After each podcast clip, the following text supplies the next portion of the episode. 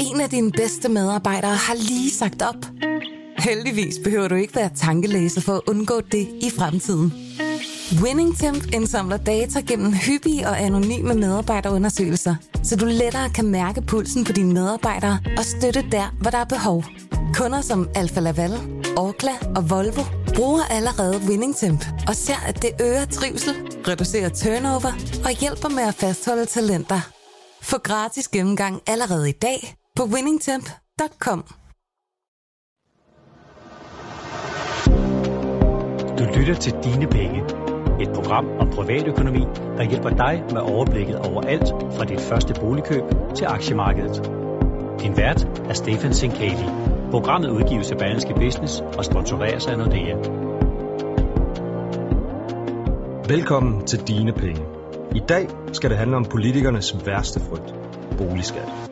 Der er utrolig meget at tabe politisk, hvis man prøver at røre ved boligejerne, og utrolig lidt at vinde. Derfor at du og jeg som privatpersoner ind med en ret kompleks løsning. Hvorfor det er endt sådan, kræver dog en kort historietid. Omkring årtusindskiftet byggede Anders Fogh en stor del af sin valgkamp op omkring øh, boligskattestoppet, som lagde et loft over det bo- beløb, boligejeren betalte i ejendomsværdiskat. Det betød i al sin enkelhed, at ligegyldigt hvor meget din faste ejendom steg i værdi, forblev din skattebyrde den samme. Det var til stor glæde for boligejerne, og dermed en stor del af vælgerne. Og derfor har politikere også sidenhen haft en stor berøringsangst, når det kom til skattestoppet på boligområdet. Men i foråret kom opgøret så. Her præsenterede regeringen sammen med Dansk Folkeparti, Socialdemokratiet og Radikale Venstre en ny boligskatteaftale. Fra 2021 får den stor betydning for mange af jer boligejere. Til at fortælle præcist, hvilke konsekvenser det har for dig, har jeg inviteret Lone Bø Henriksen ind i studiet. Hun er ejendomsmaler og ejer flere homebutikker i både København og Nordsjælland. Hej Lone. Hej. Og velkommen til. Lad os øh, starte med at snakke om forårets boligskatteaftale. Der er et par centrale elementer af særlig betydning. Kan du øh, starte med at forklare dem for lytteren? Ja, det kan jeg godt. Der, der er nogle ting, som vil forandre sig, og øhm, det handler om, at vi får nogle nye ejendomsvurderinger. Vi har haft et skattestop, som har løbet i mange år, og det betyder også, at de ejendomsvurderinger, som vi kender i dag, de er meget ofte meget forskellige fra den markedsværdi, ejendommen har, hvis man skal sælge den. Så det betyder så nu, at øh, der sidder en masse flittige mennesker ved at vurdere alle, alt fast ejendom i Danmark. Så alle okay. boligejere, de får i 2019 udsendt en ny ejendomsvurdering, som meget gerne skulle være meget mere i tråd med, hvad ejendommens handelsværdi er. Okay. Så det er den ene ændringerne. Og der har været utrolig meget dialog i de mellemliggende år omkring, jamen kunne man nu stole med, på de her vurderinger, og var de så også i overensstemmelse med det, som man kunne handle ejendommen til. Og derfor så har man lagt en buffer ind på 20 procent. Så det betyder for eksempel, at hvis man der hvor knækket ligger, knækket kommer til at ligge på 7,5 million, hvor man så ryger op i den dyre takst. Og øhm, det betyder så i praksis, at hvis man havde en ejendom, som var vurderet til 7,5 millioner, så bliver skat og ejendomsværdiskat beregnet ud fra en værdi på 6 millioner. Så okay. den vurdering, man får, der kan man altid trække 20 procent fra, så man ligesom har sådan en buffer, så man er sikker på, at så er sikker på, som man nu kan være på, mm. at der ikke er nogen, der kommer til at have et for højt beskatningsgrundlag. Så det er en af forandringerne. Okay, kan vi lige øh, dvæle lidt ved, ved knækket, millionærknækket, som ja. nogen også har, har kaldt det. Kan du forklare lidt, hvad det er, der, hvad der sker der? Ja, altså der sker det, at øh, ejendommen, som har en vurdering op til 7,5 million, de bliver beskattet med en lavere takst end dem, som har en vurdering, der er over 7,5 million. Men det er faktisk sådan, at øh, sidst man tog tallene fra Danmarks Statistik, det har man gjort i år, så var der knap 14.000 ejendomme i Danmark, som havde en reel værdi på 7,5 millioner eller derover. Og de fleste af dem lå altså i spændet fra 7,5 op til 9 millioner.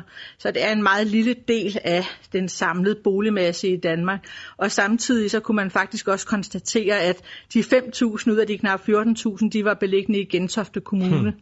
Så, så det er noget, der begrænser sig til et, et mindre geografisk område.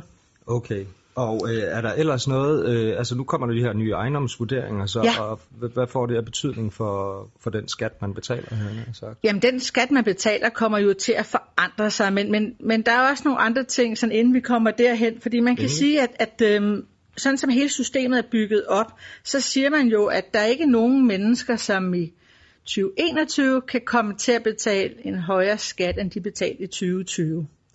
Okay. Så det betyder også, at når man nu får de nye vurderinger, og man skal til at beregne både den nye ejendomsværdiskat og de nye ejendomsskat, altså grundskyldspromiller, så øh, vil man gå ind og kigge på, jamen, hvad skulle man have betalt efter de gamle regler.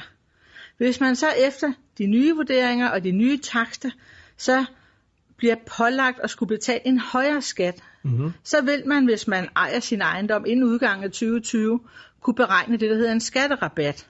Okay. Hvis jeg skal give dig et eksempel, så betyder det, at øh, hvis man i 2020 for eksempel skulle betale samlet 20.000 kroner i grundskyld og i ejendomsværdiskat, så øh, hvis man så, når man fik de nye vurderinger, og med de nye måder at beregne det på, så ville for eksempel skulle betale 23.000.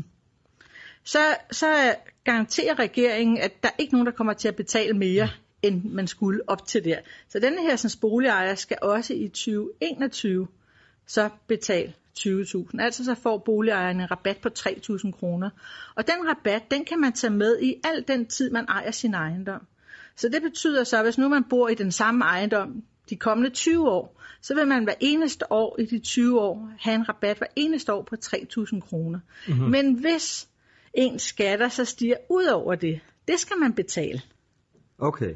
Og det betyder også, at den dag man måtte sælge sin ejendom, så den nye ejer, der overtager ejendommen, har ikke nogen skatterabat. Så det gælder altså alene for dem, som ved udgang af 2020 ejede deres egen ejendom. Okay, det lyder jo til, at der, altså, der kommer til at ske nogle ting, hvor man måske kan se lidt spekulation i, i forhold til Ja, altså men det, her, det er jo også noget, som når man er ejendomsmælder, som vi har gået og, og, og forholdt os til at sige, men hvad vil det her betyde? Vil det have nogen indflydelse på prisdannelsen? Mm. Man kan jo godt forestille sig, at hvis man hvis man går i nogle overvejelser om at skifte bolig, så kan man jo sagtens tænke sig til, at der så vil være mange, der vil effektuere det inden udgang af 2020, mm. for at få den skatterabat. Fordi det vil jo ikke give nogen mening, hvis man, hvis man skulle skifte bolig, Nej. at man ikke købte den inden udgang, at man købte den i starten af det kommende år. Og det kunne godt bevirke, at der kunne komme et lille prispres op imod udgangen af 2020. Mm. Fordi at der så ville være mange, der sagde, ah, vi skal lige nå at være med på vognen, så vi også får skatterabatten. Og samtidig så kunne man jo så godt frygte, når man så kommer ind i 2021, at der ligesom har været en overaktivitet på boligmarkedet. Så mange af dem, der ville skifte bolig, har fremskyndet deres beslutning. Og når du så kommer frem til 2021, at der så kommer en lidt mere stille periode, fordi vi skifter jo altid bolig, fordi at der er alle de her livshændelser, hvor vi... Ja hvor vi skal flytte hjemmefra, og vi skal på plejehjem, og vi bliver gift og skilt, og hvad vi ellers kan finde på alle sammen. Så, mm. så de livsbegivenheder vil jo altid være der, men man kan godt forestille sig, at der kommer sådan en lille forskydning i, i dispositionerne. Det er i hvert fald vores forventning. Man kan også godt forestille sig, at, øhm, at de boliger, som vil blive hårdest ramt af de her nye regler, det er jo ejerlejlighederne, fordi de vil jo, som, som det i hvert fald er forelagt, blive pålagt en højere udgift til ejendomsskatter end de har haft hidtil. Altså, øh, man, man har i hvert fald en, en oplevelse af, at de grunde, som ejer, ejendommen er bygget på, vil blive væsentligt højere vurderet, end de er i dag. Og det betyder jo også på den lange bane, at de vil få en større udgift til ejendomsskatter ja. på ejendommen. Øh, så man kan godt forestille sig, at det på en eller anden måde vil få en effekt på prisdannelsen. Øh, og det, som vi forestillede os, og det er jo altid for sådan alt andet lige mm. betragtning, fordi har vi stigende rente, har vi faldende rente, har vi stigende beskæftigelse, har vi faldende mm. beskæftigelse. Det er også nogle ting, der har meget stor indflydelse, men, men man kan godt forestille sig, at lejlighederne vil holde op med at stige lige så hurtigt, som de gør i dag. Fordi de bliver pålagt en større udgift til skat. Okay. Og det betyder jo også, når, man, når familierne kigger på deres boligbudget, så der er man jo inde og kigge på, jamen, hvor mange penge har vi at bo for hver måned. Og hvis udgiften til skat stiger, så er der jo et, et mindre beløb at kunne afdrage på gælden med. Mm. Så derfor må, ud fra sådan alt andet lige betragtning, må priserne jo stige mindre, for at de får den samme boligudgift. Og her taler vi på den anden side af 2021. Ja, altså, det gør vi. Man kunne måske godt forestille sig, at vi ville se den anden effekt frem til... til ja, altså jeg, jeg personligt forestiller jeg mig da i hvert fald, at, at vi vil have øh, sådan en, en meget flot øh, højt handelsaktivitetsniveau. Mm. Altså vi bliver handlet mange boliger frem til udgangen af 2020. Ja. Og hvordan, hvordan er det også det, du vil råde køber, altså folk, der skal ud på, på markedet nu her og de kommende år, hvordan skal de agere i, i sådan et, altså det er jo lidt usikkerheds moment, ja. det her? Altså, øh, jeg, jeg synes jo helt grundlæggende, at man skal handle bolig, fordi man har, har brug for at få en bolig, som passer godt til en det sted, man er henne i livet. Mm. Altså, jeg mener ikke, at, at bolighandler skal være spekulative. Men, ja, men, men det er da klart, at med de her ting i mente, så må man jo godt tænke sig om. Mm. Og, og hvis man alligevel står i de overvejelser, så kan jeg da godt forestille mig, at det vil også være god rådgivning at sige, måske du lige skulle rykke din beslutning tre eller fire måneder frem, så du lige kommer med under de gamle regler og får skatterabatten. Okay. Og, og så har vi slet ikke talt om uh, grundskylden og Nej. indefrysningen. Kan du sætte lidt nogle ord på? Ja, det kan jeg sagtens. Der... Altså, øh, der er jo ikke nogen tvivl om, at, at øh, grundskylden på den lange bane kommer til at forandre sig i forhold til, som vi kender det i dag.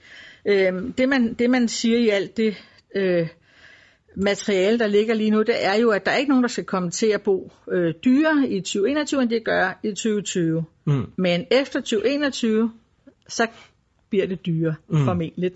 Øhm, og så vil der være nogle muligheder for, at man kan indefryse stigningerne. Og det har der også øh, været en del debat omkring, fordi oprindeligt i, øh, i udspillet, som det ligger, så var det faktisk sådan, at alle skulle indfryse en stigning. Ja. Og man kan jo sagtens forestille sig, at de fleste danskere siger, ah, jeg har ikke lyst til at indfryse 600 kroner eller 800 kroner. Øh, jeg vil betale, hvad jeg skylder. Jeg har ikke lyst til at have en gæld liggende øh, hos det offentlige, når jeg kan betale det. Og så kan man så sige, at når vi så kommer over 2021, så er det jo sådan, at, at så kan stigninger indefryses. Øhm, og det kan det både på dem, der ejede ved udgangen af 2020, men det kan det også for nye boligejere. Og spørgsmålet er jo så, om det er en god idé. Ja. Og hvad er svaret på det spørgsmål? Jamen, jeg tror, at for nogle mennesker tror jeg faktisk, det er en rigtig god idé. Øhm, og så tror jeg for, for de fleste danskere, så, så er jeg sikker på, at øh, jeg oplever i hvert fald, at, at øh, de danske husholdninger overvejende har det rigtig godt, og, og at folk de har gode opsparinger, og de er meget opmærksomme på, at de kan svare en hver sit, og jeg har ikke oplevelsen af, at der er nogen, der har lyst til at skylde mere væk, end de behøver. Så det er mm. min grundlæggende opfattelse, at hvis de danske familier kan betale det, så vil de også gøre det. Men omvendt kan man sige, så åbner det jo også mulighed op for, at øh, pensionister kan blive boende i deres boliger. Det har der været rigtig meget diskussion omkring. De har jo haft nogle indefrysningsmuligheder i forvejen, men, mm. men, men det har jo været meget sådan magtpålæggende, at der ikke var nogen, der skulle gå fra hus og hjem på grund af de nye regler. Og man kan jo også forestille sig øh, andre familier, som kan komme i nogle livssituationer. Det kan være sygdom, det kan være arbejdsløshed, det kan bare være, at man vil have sabbatår, eller man har fået en masse børn, eller der kan jo være nogle forskellige ting i, i en periode af ens liv, som, som, hvor man ligesom siger, at, det kunne være en, en billig, nem måde at få et større rådighedsbeløb på. Så, så det åbner jo op for sådan en højere grad af fleksibilitet i de danske husholdninger. Og hvorfor er det en uh, billigere og nem måde at, at have en gæld på end så meget andet? det, det, øh, det er det jo også kun ud fra de tal, vi kender i dag, ja. fordi det kommer også an på, hvordan renten den udvikler sig. Mm. Men, men når man kigger på, på de satser, som der er lagt op til, så, så vil det for de fleste familiers vedkommende være en billigere måde at have en gæld på, end at skulle ned i sin bank mm. øhm, og låne pengene. Okay. Så, så øh, det, det, det, for, det, det, det er en masse både og, som jeg lidt øh, hører dig i forhold Jamen det er til... fordi, jeg synes, det er så utrolig vigtigt, at man, øh, når man udtaler sig om sådan nogle ting, man er nuanceret, at man tager udgangspunkt i den enkelte familie. Altså, mm. Fordi der er jo ikke nogen, altså man kan jo ikke sige, at alle lever på samme måde og mm. har alle de samme livsvilkår. Jeg synes, det er rigtig vigtigt, at al rådgivning tager udgangspunkt i den enkelte familie, og at man får sammensat nogle økonomiske løsninger, som lige præcis imødekommer de behov, den familie har. Ja. Og de, de behov øh, bliver jo så ikke nødvendigvis påvirket. Det gør økono- den økonomiske baggrund, så, ja, øh, som den. vi ser ind i i 20, 20, 2021. 2021, ja. Der er også en anden ting, øh, et ja. andet fænomen, som vi faktisk oplever rigtig meget lige nu her. Man ser, at øh, antallet af familiehandler er stærkt stigende. Og det ja. er der faktisk en rigtig god grund til. Jeg ved ikke, om det er noget, politikerne har overvejet, da man lavede det her, men, men det er jo sådan, at i dag, der kan man jo øh, handle sin øh, ejendom imellem familiemedlemmer til den offentlige vurdering minus 15 procent. Mm. Og da, da de offentlige vurderinger ikke er blevet reguleret i mange år, så er de offentlige vurderinger i hvert fald i de byer, i de store byer i Danmark, altså København, Aarhus, øh, Aalborg, Odense, der er de meget ofte på et niveau langt under den reelle handelspris. Så altså man har, hvis man har en rigtig god økonomi som familie, så har man altså mulighed for at, at handle for eksempel en forældrekøbslejlighed til sine børn til en markant lav værdi, øh, fordi man har den offentlige vurdering minus 15 procent, ja. og man kan sige, at, at der er jo mange penge i spil, fordi i forhold til så ved jeg godt, at det er penge, som man har, men det ville jo være penge, som ellers skulle have været beskattet. Så også i forhold til at betale afgifter, så er der altså også væsentlige besparelser øhm, at opnå på nogle af de her handler. Og, og vi kan se, når vi kigger statistisk på det, så kan vi se, at antallet af familiehandler er stærkt, stærkt stigende lige nu. Så der er nok nogen, der har fået øje på, på denne her fidus. Okay. Jamen ved du hvad, Lone, det tror jeg, det stopper samtalen her øh, for ja. i dag. Tusind tak, fordi du øh, vil komme ind og gøre os lidt klogere på, øh, på boligskatten. Selv tak. Du lytter til Dine Penge. Programmet er tilrettelagt af Stefan Sinkali og Mia Svendingsen. Hella Juf er en kvinde med mange kasketter. Hun startede som komiker i Lex og Klatten og Det Brune Punktum. Så blev hun skuespiller. Hun har også instrueret en række danske spillefilm og været forfatter til en række danske bøger. Senest øh, blev hun så medlem af Disruption-rådet. Altså mange kasketter, men også mange holdninger. Og dem vil jeg gerne have et indblik i. Og derfor øh, giver jeg hende i dag et øh, kald for at blive lidt klogere på de private økonomiske erfaringer, hun har gjort sig på sin færd igennem livet.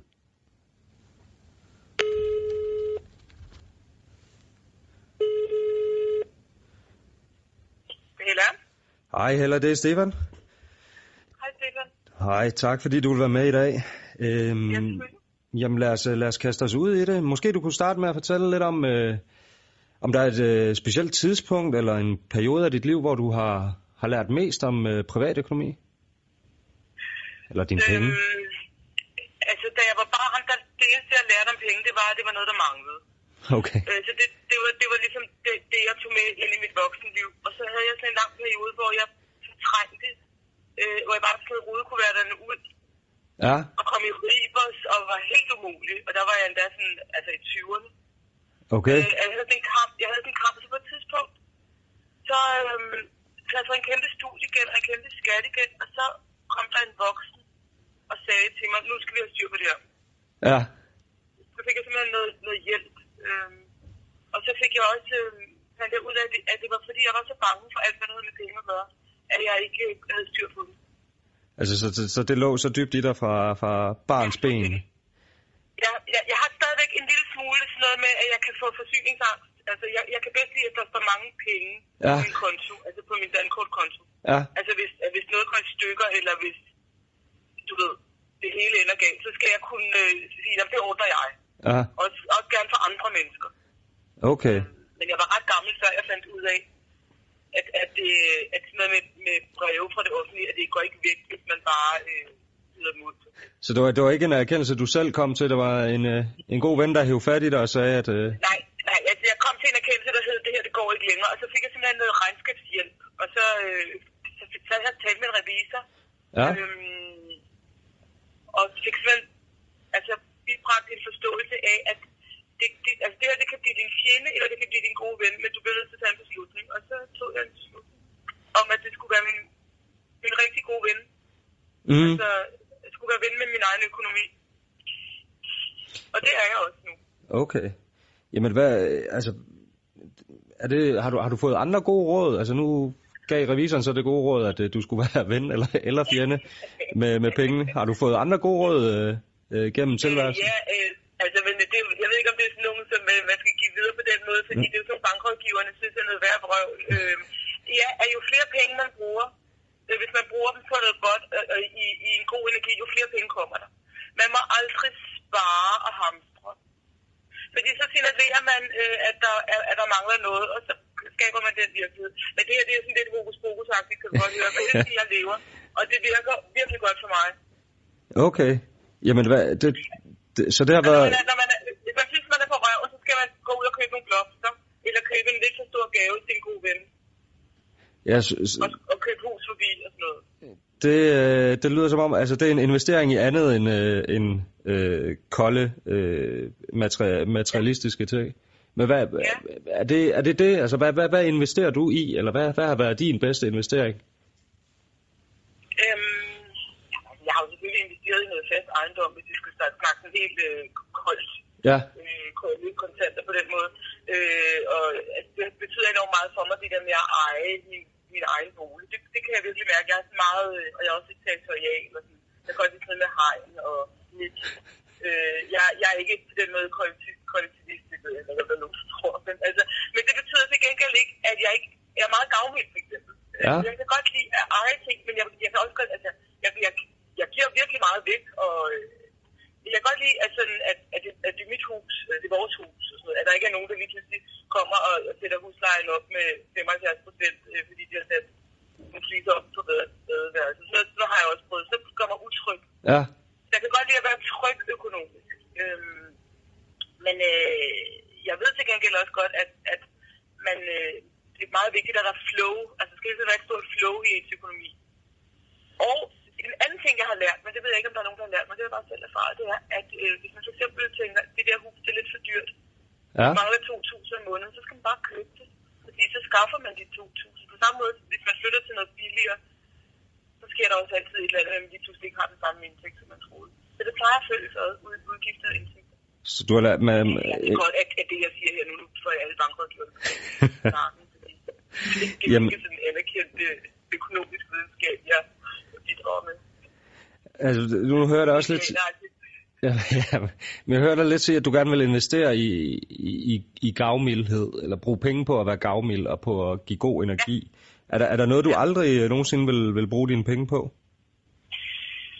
Øhm, altså ja, altså jeg vil ikke, øhm, altså jeg, altså jeg vil selvfølgelig aldrig investere i våben, øh, men øh, jeg vil ikke, jeg bryder mig ikke om, at, øhm, altså nogle gange kan jeg blive irriteret øh, over at betale så meget i skat, fordi jeg synes simpelthen, at de penge, vi bruger i samfundet, bruger, jeg synes, vi bruger mange af pengene rigtig forkert.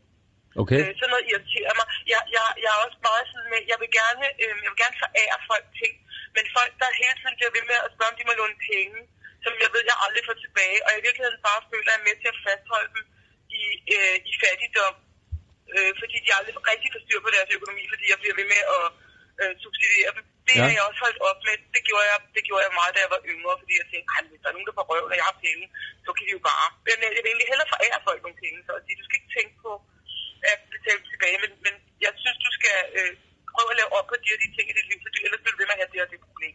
Og det har man jo retten til, hvis man, hvis man også sådan, det er Mm. hvis man Mm. en så, så det jeg prøver at sige, det er, at jeg synes, at det, det, det er vigtigt, at man, øh, man hjælper folk til selvhjælp. Altså, Ja. øhm, jeg har for eksempel også brugt mange penge på sådan nogle mikrolån, men jeg, jeg, jeg er lidt mere loren ved sådan noget, bare sådan noget almindelig bistand, fordi jeg synes faktisk, man fastholder folk i, i fattigdom.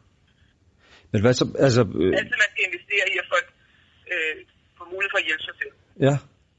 Jamen, udover det her med at, at, at give lån, som, som måske gør mere skade end gør gavn, hvad har du så Ja. gjort andre... Altså, hvad, hvad har din dårligste investering været? Jamen, det er jo utallige, øh, alt bras. Øh, jeg har købt meget bras i mit liv. Øh, da jeg var yngre, købte jeg tit ting, bare fordi, at øh, jeg fik en fornemmelse af, at jeg havde sådan lidt styr på mit liv, hvis jeg bare kunne gå ud og købe noget.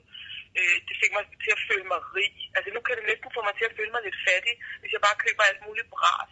Jeg synes, der, der er så meget bras i verden. Det skal vi ikke, øh, det skal vi ikke øh, støtte.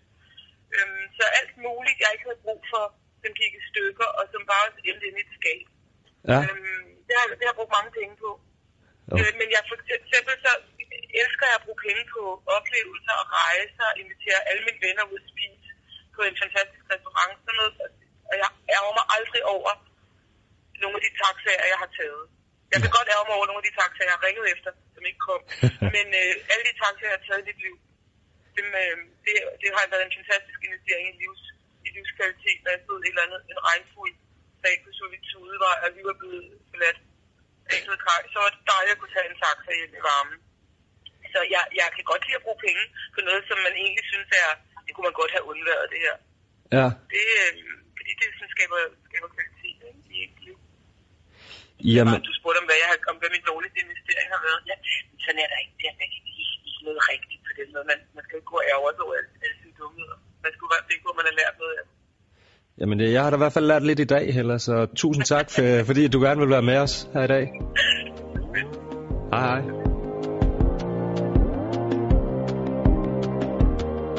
Nu får du eksklusiv adgang til Nordeas eksperter, som giver dig konkrete råd til at gøre rådkuverterne mere overskuelige. Podcast fra Berlingske Business er sponsoreret af Nordea. I dag handler det om boligskat, og lidt nærmere en lille guide til købere og hvordan de skal agere i forhold til boligskatten. Til at tale om det, der har jeg inviteret øh, Lise Nytoft Bergmann ind i studiet. Hun er boligøkonom i Nordea Kredit. Velkommen, Lise. Tak skal du have. Lise, der kommer jo den her nye øh, boligskatteaftale, som betyder en hel masse ting. Øh, men hvad er det mest væsentligst for nuværende boligejere at vide?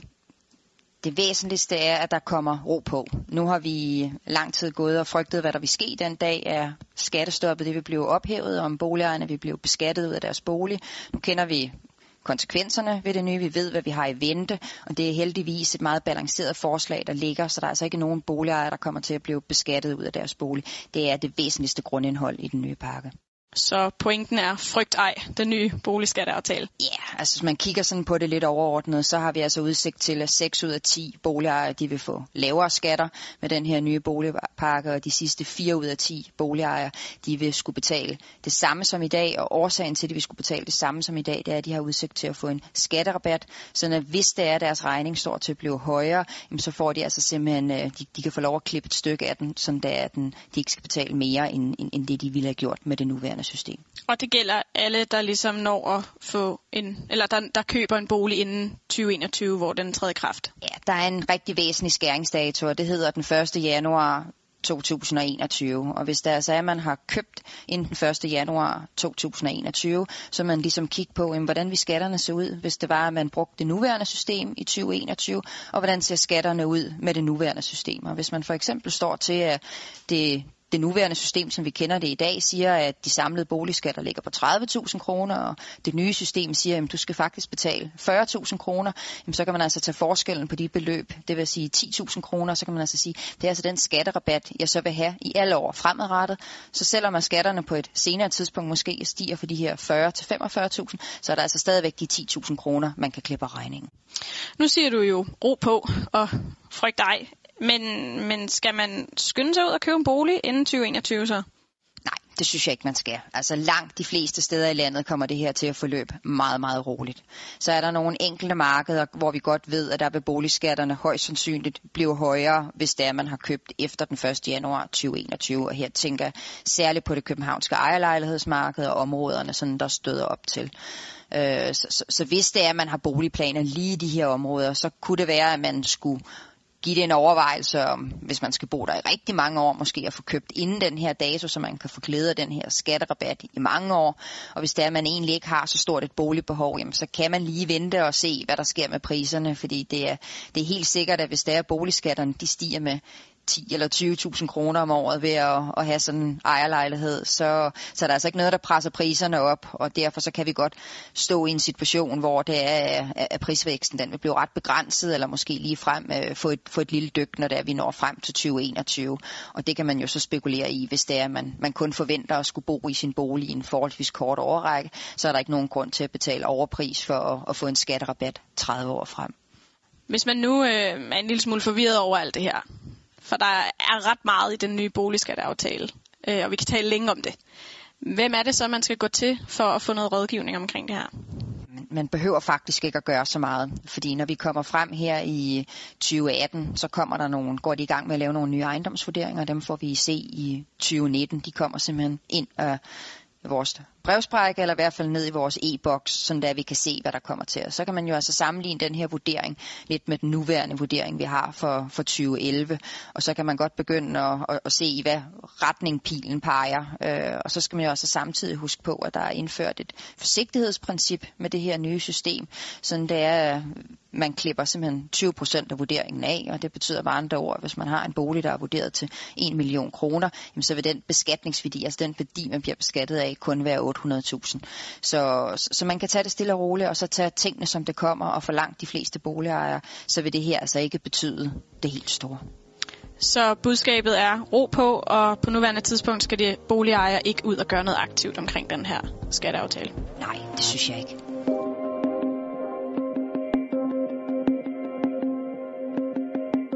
Du lytter til Dine Penge fra Berlingske Business. Et program om privatøkonomi, der hjælper dig med overblikket over alt fra dit første boligkøb til aktiemarkedet.